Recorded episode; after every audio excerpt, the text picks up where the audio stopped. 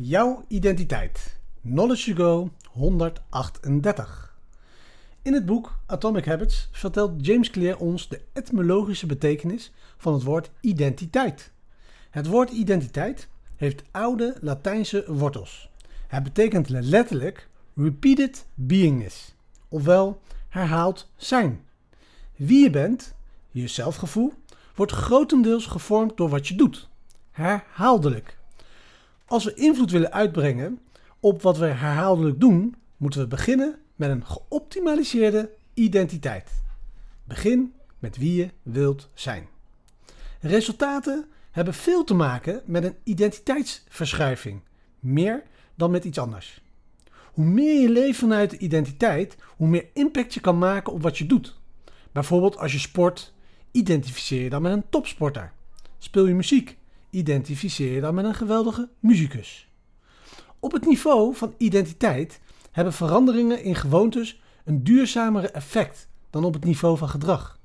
Wanneer je jouw gedrag verandert, dan is de kans groot dat als je het doel haalt vanwege van je gedragsverandering, je weer terugvalt in een oud patroon.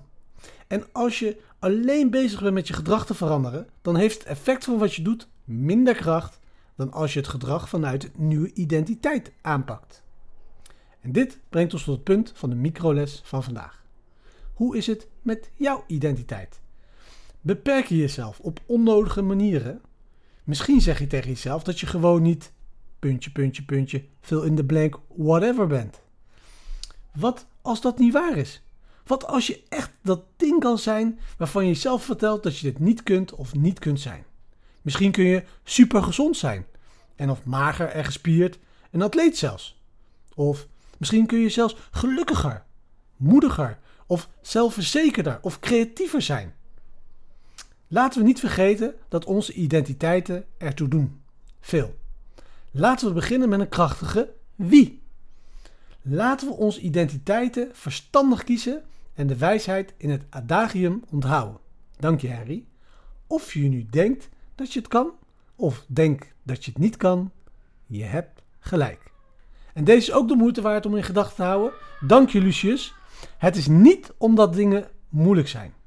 Het is niet omdat de dingen moeilijk zijn dat je niet durft.